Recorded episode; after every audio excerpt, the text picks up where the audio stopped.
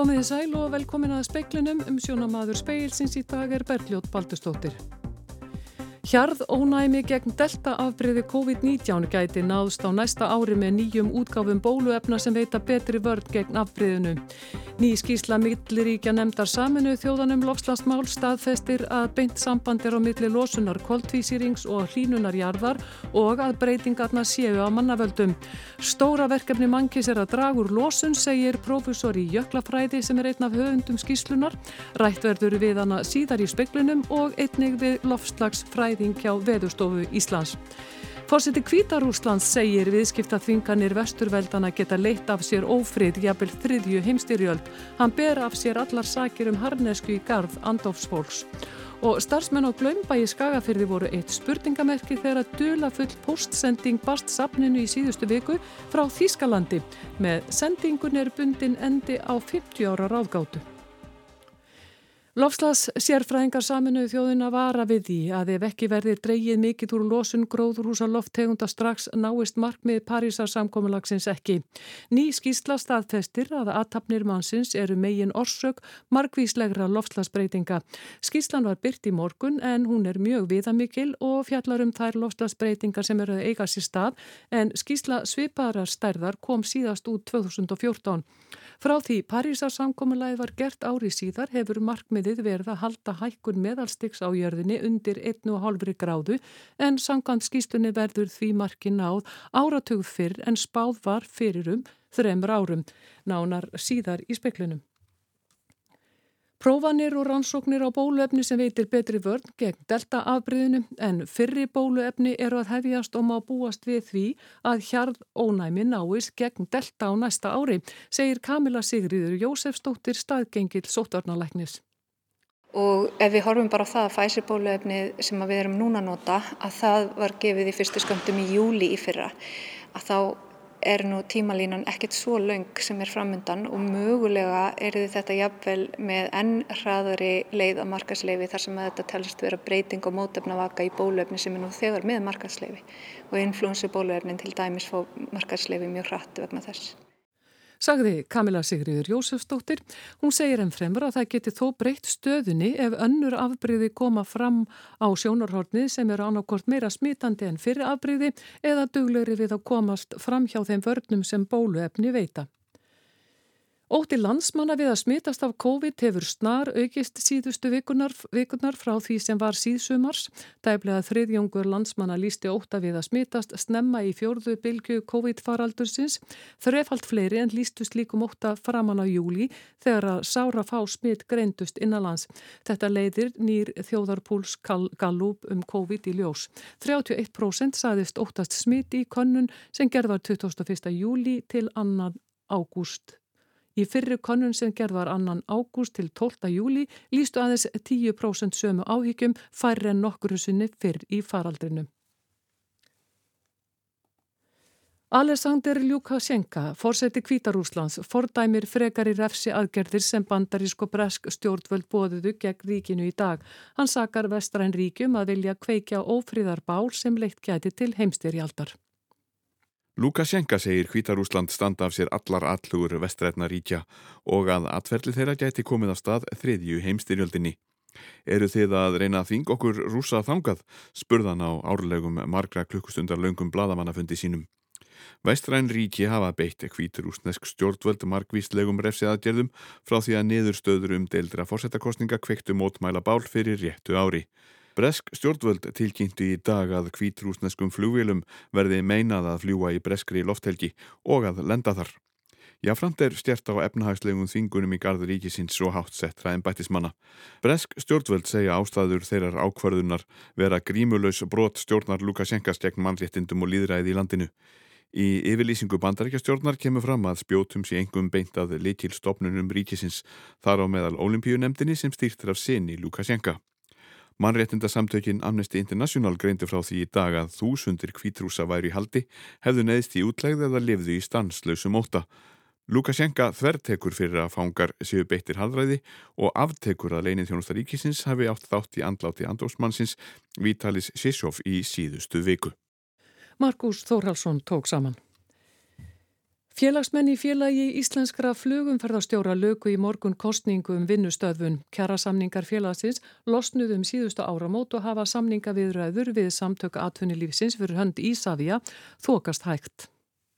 Félag íslenskra flugumferðarstjóra hefur átt í samninga viðræðum við SA fyrir hönd Ísafja síðan í byrjun februar. Viðræðunum var vísað til ríkisáttasemjara í lok april og á morgun verður tólti samningafundarinn hjá ríkisáttasemjara. Arnar Hjálmsson, formar félags íslenskra flugumfærastjóra, segir að félagsmönnum hafi þótt viðræðunar ganga hægt og því veri ákveðið að sækjum heimil til vinnustöðunar hjá trúnaðaráði þeirra og kanna hug félagsmanna til að beita verkvælsrétti sínum. En á eftir að kynna niðurstöðuna fyrir félagsmönnum. Arna segir að þótt viðræðnar hafi þokast hægt þá séu þær ekki komnar í strand og því ekki ljóst hvort reyna á niðurstöðu kostningana. Helst er deilt um útfæslu vinnutímastýttingum og starfsloka aldur flugumfærastjóra. Halla Óláfstóttir sæði frá. Rjómakönnu, kótru töflu og smjör ösku sem stólið var úr gamla torfbænum í Glömbæ fyrir rúmlega 50 árum bárust sapninu í posti frá Þýskalandi í síðustu viku. Eftir mikla rannsókn starfsfólks á málunu kom í ljós áhugaverð saga. Það var í síðustu viku sem Glömbæ barst pakki frá Þýskalandi. Það er reyndar ekki óvenjulegt að söpnum berist gjafir en þessi var mjög óvenjuleg. Inga Katrín Magnúsdóttir er verkefnastjóri hjá byggðasafni Skagaferðar.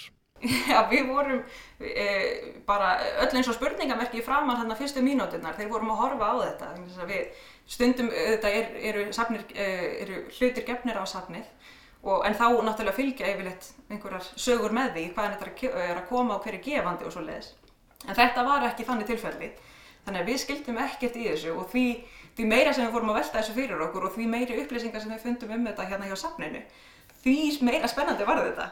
Eftir að hafa skoðað munina vel kom í ljós að þeim var stólið af safninu í júli árið 1970. Þá var farið í það að hafa upp á sendandanum sem hafði skýringar á reyðum höndum.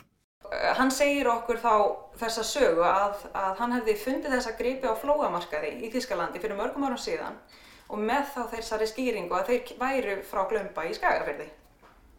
Og uh, nú væri hann að verða gammal maður og hans ákomendur vildi ekki eiga þá eða, eða já, taka þá og, og því hafa hann ákveðið að senda það tilbaka núna. Og svo maður þetta alltaf sko, veltaði fyrir sér hvort að þetta sé trúanlega saga og svoleiðis en, en við svo sem vorum ekkert að við fengja það hjá hann, við bara í rauninni þökkunum fyrir sendinguna og þökkum náttúrulega mikið fyrir að þessi gripur eru konið tilbaka. Sagði Inga Katrín Magnúsdóttir Óðinsvan Óðinsson tók saman. Maður sem lögreglan á höfuborgarsvæðinu lísti eftir um miðjan júni slapp úr höndum lögreglunar á vestfjörðum undir lok síðasta mánar vegna þess að ekkert nettsamband var þar sem lögregla stöðvaði bílmannsins. Hann sæðist á vera í tíu daga heimsókn á Íslandi og ætlaði síðan að halda heim á leið. Það var ekki fyrir en lögreglumenn komu aftur á lögreglustöðuna sem þeir gáttu flett manninum upp og uppkvötviðu að hann hafði dvalið og starfað ólöglega hérlendis í uppundir ár. Maðurinn var handtekinn í síðustu viku og hefur verið úrskurðaður í í gæsluvarðhald þar til hann verður sendur úr landi. Sókn Talibana í átt að ýmsum likilborgum Afganistan þingist sífælt. Tveir áratugir eru síðan veldi þeirri í landinu var brotið á bakaftur en hverjir eru þeir þessir Talibanar? Talibana varð fyrst vart í norður hluta Pakistan snemma á tíund áratuglum eftir brott kvarf sovjesks herliðs frá Afganistan. Talibanar eru sunni múslimar. Afstafa Sunita er svo að Muhammed hafi verið síðasti spámaðurinn en að einhver skuli taka við veraldlegu hlutverki hans sem leiðtói muslima. Mullah Omar stopnaði heimingun árið 1994 þegar hann fór fyrir hópi stúdenta sem snýrust ekk stjórnvöldum í Afganistan. Lovorð Talibana var að koma á friði og treysta öryggi í landinu að nýju. Sömuleiðis héttu þeir innleiðingu sjarjalaga næðu þeir völdum. Talibanar herrtóku höfubortina Kabul í september 1996 og lísti yfir stopnun Íslamsk emirdæmis í Afganistan. Þegar í stað var dreyið mjög úr mannréttindum ekki síst réttindum hvenna. Talibanar luti í læra haldi eftir innráðs bandarækjamanna í kjölfar hriðjuverkana 2001. Talibanar sleiktu sárin í nokkur ár en færiðust í aukana um miðjan fyrsta áratug aldarinnar. Friðar við ræður hafa staðið yfir milli afganskra stjórnvalda og Talibana mánuðum saman án árangurs. Talibanar nýta sér nú brott hvarf bandarækja hers og sækja fram á mörgum vikstöðum. Þeir hafa náðu undir sig stórum landsvæðum og sex héras höfuborgum. Markus Þórhalsson tók saman.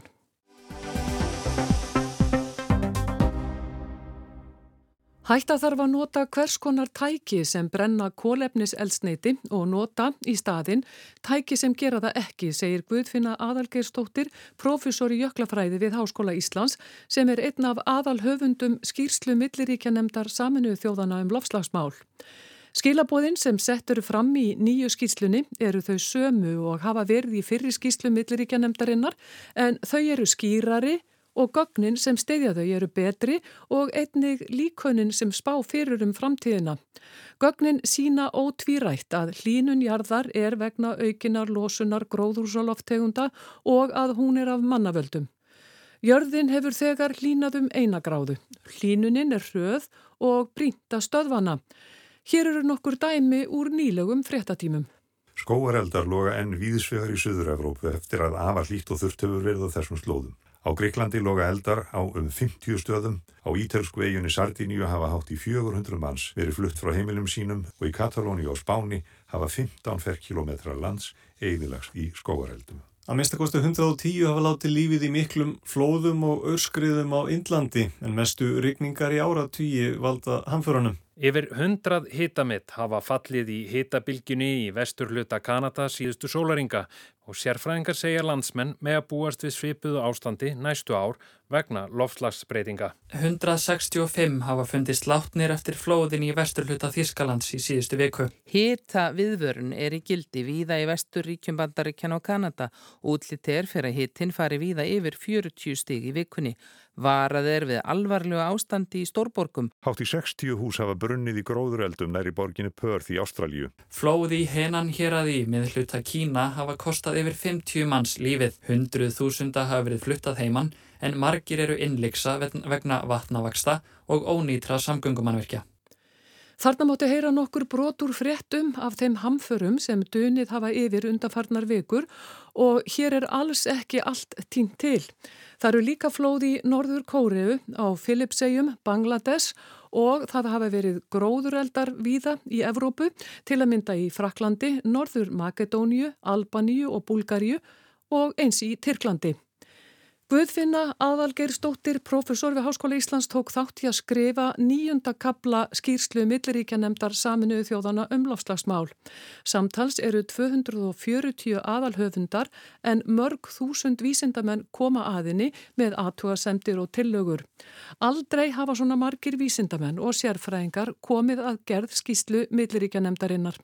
Vísindamennir eru frá 65 löndum og dekka yfir 14.000 rannsóknir. Samskonar vinnulag hefur fyllt öllum skýrslum milliríkjanemdarinnar en undanfarið má skinja meiri áhuga og fleiri stundar rannsóknir á loftlagsmálum. En áður hafa komið út skýrslur með samskonar skilabóð. Skilabóðin er í rauninni þau sömu. Þau eru skýrari og þau eru studd, betur studd af vísindagögnum, betri gögn og betri líkun líka fyrir framtíðaspár. Þannig að við getum sagt að skilabóðin sem slík að það eru loftlagsbreytingar í gangi og það eru að mannavöldum, þau eru þau sömu áður. En nú er hægt að tengja það betur við hérna, aðgeri mannana um hérna, losun koltvísýrings í lofti og nú er algjörlega ótvírægt að áhrif mannsins á loftslægið eru ótvírægt. Er það sem sagt orðið alveg staðfest? Já með þessari skíslu og meiri segja skíslum sem kom úr 2013 þeir notuðu orðið önni kvifukall sem ég þurfti að leita upp í orðabók og kom staðið það var engin vafi, það er ekki nokkur vafi á að losun koltvísýrings í lofti hefur áhrif á hérna, loftslægi og við sjáum núna og það sjáum við í rauninni í frettunum að, að ákefð í ofsaveðri er að aukast. Er þú að meina það að nú erum við að sjá í frettunum e, e, elda, flóð, já, vinda, rók, þurrk og allt þetta. Er þetta, er þetta vísbendingum að þetta sé að gerast? Já, hefur verið að gerast ára, síðustu áratugum. Í rauninni, hérna, getur við sagt að yðnbildingin hafi byrjað 1850 og alveg frá því, að, frá því því tímabili, við erum rauninni það er svona viðmjöðunar ári 1850 til 1900 og síðan þá er búið að leiða út um 2400 gigatonn af koldvíseringi með atomnum mannana, með bruna kólefnis eldsneitis, kólum, olju og gasi og áhrif þeirra eru ótvíra. Í skýslunni er sínt að hérna, samansapnaður útblástur á kvöldvísýringi þrýstir hitastíginu upp og það er rauninu línulegt samband þar á milli því meiri kvöldvísýringur loftinu því hlýra verður andrúsloftið. Hvað hefur jörðin hitnað mikið? Nú þegar er jörðin búin að hittna um eina gráðu frá því tímabili sem er viðmjöðin 1850 til 1900. Það er rétt tæplega einn gráða og spáin er að það muni halda áfram að hlýna.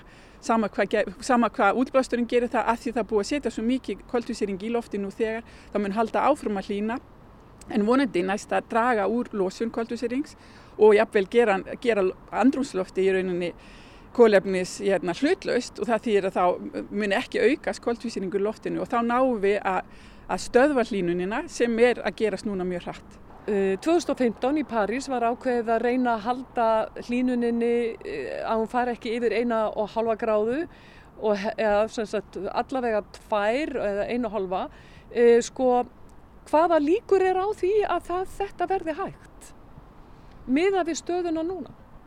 Já, þessi skísla sínir að, hérna, að, að það muna öllum líkindum hlína upp að einu og halvri gráð og það er kannski hægt að segja, hérna, er kannski eitt og eitt ár getur farið upp fyrir einu og halvri gráð en það sem þessi skísla vinnum með er meðaltali yfir 20 ár. Þannig á næstu kannski áratug eða tveimur mun hlínunin verða að meðaltali yfir 20 ár, 1,5 gráða miða við fyrir 1850 til 1900. En með því að draga úr losun og gera andru, að verða kólefnis hlutlaust er hægt að hæja á þessari hérna, og, hérna, hlínun og jafnvel snúinni við. Þannig að það er eitt, eins viðsmynd sem gerir ráð fyrir mikilli hérna, lækkun í losun og kólefnis hlutlausti um 2050 og svo sviðsmynd sínir að það hægist á hlínuninni, hún fer kannski aðeins upp fyrir einu halva gráðu en verður fyrir neðan það við aldamótin. Ef að þetta næst, hvað, hvaða breytingar fylgja þessu? Að ég ger það fastlega ráð fyrir að þarna er samt hlínun, það verður aldrei engin hlínun. Sko hvað þýðir þetta? Hvað eigum við eftir að sjá þá? Með aukinni hlínun þá eigst ákjefð í ofsaveðri og það sjáum við að gerast, rigningar, hýtabilgjur eh, eh, verða hérna, hérna, tíðari og þurkar einni og svo skilir þið fyrir skóarelda og, gróður og skóarelda verða líka, getur við sagt, betri, það verða betri skilir þið fyrir þessa elda. En langtíma áhrifin er í rauninni þau sem að hérna, við sjáum kannski og hafa kannski lengst áhrif. Okkur tekst kannski að, stöðva hlínunina en svo hlínun sem nú þegar er orðin mun hafa, áhrif á til dæmis bránun jökla og hækkun sjáastöðu. Vegna þess að það, það er nú þegar komið í gang og vegna þeirra hlínuna sem nú þegar er orðin munu þessi kerfi, jöklarnir og sjáastæðan halda áfram að breyðast við í mörg hundruð ár, jafnvel þó að hlínunin stöðveist. Og það var einmitt næsta spurning, sko, hvaða áhrif hefur þetta á okkur sérstaklega, sko, norður hjaranum? Já, hér á Íslandi sjáum við jöklarnabráðuna og við sjáum að hitastíðið er líka aukast, við sjáum hvert hitametið á öðru er í rauninni sleið, við erum ennþá ekki mjög hátt hitasti en það er að það mjagast upp og við sjáum bara, og það er það, er það sem skíslan sýnir líka að, að síðustu tíu ár eru lang flest met árin í hitastíði og það er hægt að sjá það hér einni á Íslandi. Sjáastæðan mun hækka og, og það hefur áhrif á öll strandsvæði. Hvað svona frá þínu sjónarhórni er mest sláandi? Hvað er það svona sem að kvílir mest á þér? Það er í rauninni þetta stóra verkefni að við skiljum núna, skíslan staðfestir það að það er beint samband millir losun koltvísirings og hlínunarjarðar. Þannig að stóra verkefnið er og það er í rauninni ég mjög, mjög bjart sín að við höfum bæði núna þekkinguna, það er alveg víst, það er ekki nokkur vafi að þetta er verkefnið okkar að draga úr losun. Við höfum fullt af tækni sem við getum nota til að draga úr losun og nú þurfum við bara að nota hana. Og nefndu mér tækni? Já, til dæmis að, hérna, að hætta að nota hvers konar tæki, bíla eða flugveilar eða alls konar tæki sem að brenna kólefniselsniti og fara að nota eitthvað sem að gera það ekki. Það er til dæmis eina hröðustu aðferðunum til að minga losun. Eitthvað fleira svona sem þú getur nefnt, hvað þurfum við Íslandingar að gera? Ég draga úr losun, það er í rauninni, ég held að ég sem vísindumæður þá, þá vona ég til, vonast ég til að við munum að okkur takist að draga eins mikið úr losun og hægt er og, og þá getur við sagt að við þurfum bara að vera skinsum í vali okkar á orkugjöfum, við þurfum að vera skinsum í að nýta það sem við þó höfum vel og minga hérna, óþarfa sóun. Það er kannski það sem við þurfum að einbjöta okkur að, minga óþarfa sóun. Við erum búin að vera að tala núna um hvað gerist ef við náum að halda uh, uh, hlínuninni nálægt einni og halvri gráðu til tvær gráður.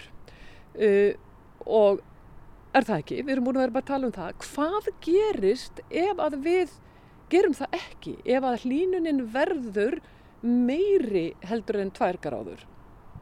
Skíslan sýnir að það er beint samhengi millir losuna gróðurhúsaloftöfanda og hlínunar.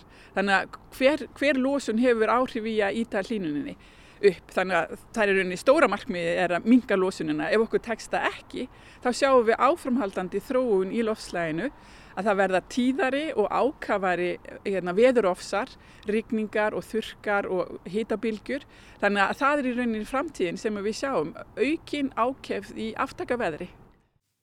Og þetta saði Guðfinna Adalgeirsdóttir, professor í Jöklafræði við Háskóla Íslands í morgun, stuttu eftir bladamannafund milliríkja nefndarinnar þar sem nýja lofslask Ísland var kynnt. En hingaður komið Haldur Björnsson, lofslagsfræðingur hjá Veðurstofu Íslands.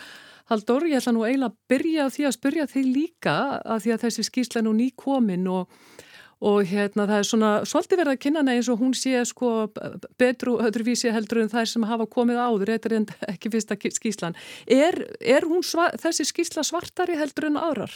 Sko, það er búið að vera þannig síðustu ár, að síðustu svona runur af, þessum rétturöðum sem EPC gefur út að þær verða alltaf eindregnari með tímanum. Fyrir aldamót var þrasað mikið um hvort að hægt væri að segja að áhrif manna og loftslag væru uh, merkjanleg síðan fimm árum síðar eða, eða sex árum síðar þótti það ekki einu sinni spurning lengur.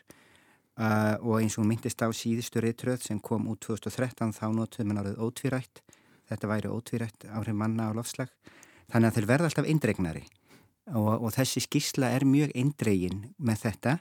Og sérstaklega með það að aftaka veður og óveður ímiskonar og, og svona veður aftök skrítið veður og, og, og hérna slíkt er að verða það merkjanlegt að það hefur svona farið upp fyrir það sem hann kalla söðið, menn eru fannar að geta greint þetta og það er komið þá í þá stöðu sem við höfum einu sinni með bara meðalita jarðar, við erum farin að sjá að þetta er að gerast núna.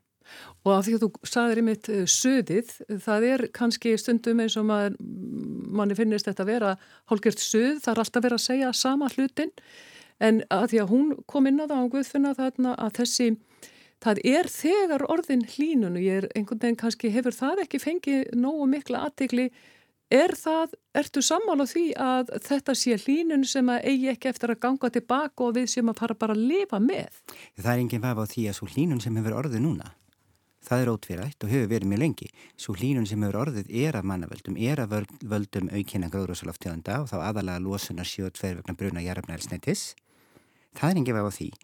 Til þess að það gangi tilbaka þá þarf að taka tilbaka eitthvað af því 72 sem búið er að losa. Það þarf sem sé að ganga tilbaka og það eru engin merki þess að við gerum það nema við þá tökum að hérna, til mikil aðgerða heimurinn í hilsinni og drægi verulegu losun og ef að menn ná að stöðva losun gróðursaloftegunda þá hættir að hlýna og ef menn ná síðan að, að taka upp CO2 úr loftjöfnum eða annarkvært tekna aðferðum eða, eða skórækt eða einhverjum aðeins aðferðum þá myndir fara að kólna aftur. Og sko það sem að þau máttu ekki fara inn á og hann að ræða um á bladamannafundunum og þessir vísindamenn sem er gerð, skrifuðu skísluna er eh, hvað stjórnmálamenn er að gera? Hvað, hvað, hvað á að hva, hvernig það eiga þeir að spýta í lóan vegna þess að nú er búið að vera að tala um þetta og við vitum alveg uh, hvað var ákveð í Parísasáttmálanum og, og samt heyrir maður nú enþá að það er verið að, sko, uh, það er verið að auka framlög til kóla orkuvera, það er verið að grafa uh, eftir jarðefna eldsneiti. Hvað á að gera? Já, það er reyndar mjög áhugavert og tengist þessu að sko það er mjög bein og augljós orksakarsamhengi millir þess sem við brennum af jarðefna elsniti, ólíu, kólum, gasi og svo framvegis og hversu mikið hlínar. Það þýðir það að ef við ætlum að stoppa þetta þá verður að hætta að brenna þessu og það þarf að gerast eins hrætt og hægt er. Uh, það er auðvitað erfitt að við ramar reypa draga að gera þetta en, en við getum farið í orku skipti. Ef að við gerum það þá ákveðum að gera það þá er náttúrulega tilgangslöst að vera að leita nýri ólíu og það er það sem Antonio Guterres aðrítari saminuði þjóðana sagði nýlega á, í, í viðtali að þetta þarf að hætta. Uh, varðandi Parísasamkomlaði þá er ágætt að rifja upp að aðelda þjóðir saminuði þjóðana ákváðu að draga úr losun þannig að hlínun fær ekki við 2 gráður og kanna leiðir að 1,5 gráðu markinu Það er að segja að það er svona innbyggt að það sé kannski hægt að fara tímabundið yfir 1,5 gráði en menn þurfu þá að geta fundið einhverja leiði til að draga CO2 úr loftjúknum aftur til að hitastíði fara ekki herra en það. Þetta var valið meðal annars til þess að reyna að koma í vekk fyrir að Ímis Smáríki færa á kaf og það voru þau sem að íttu mjög ákveðið á 1,5 gráðu hérna, markið. Uh, í aðdraganda þessa þings hjá saminuði þjóðanum í París 2015 þá sendu þjóðir inn lofur hversu mikið getum við hugsað okkur að draga saman.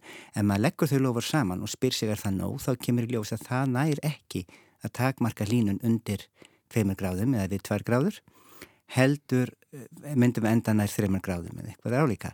Það sem að IPCC hefur gert síðan er að lækja mat á sviðismyndir, bæði þessa sviðismynd og svo sviðismyndir þar sem menn herða á lofurðum eins og nokkuð er ljósta mun þurfa að gera og verður miðar annars eitt af því sem verður til umræðu á fundi í Glasgow núna í haust, svo kallum COP26 fundi.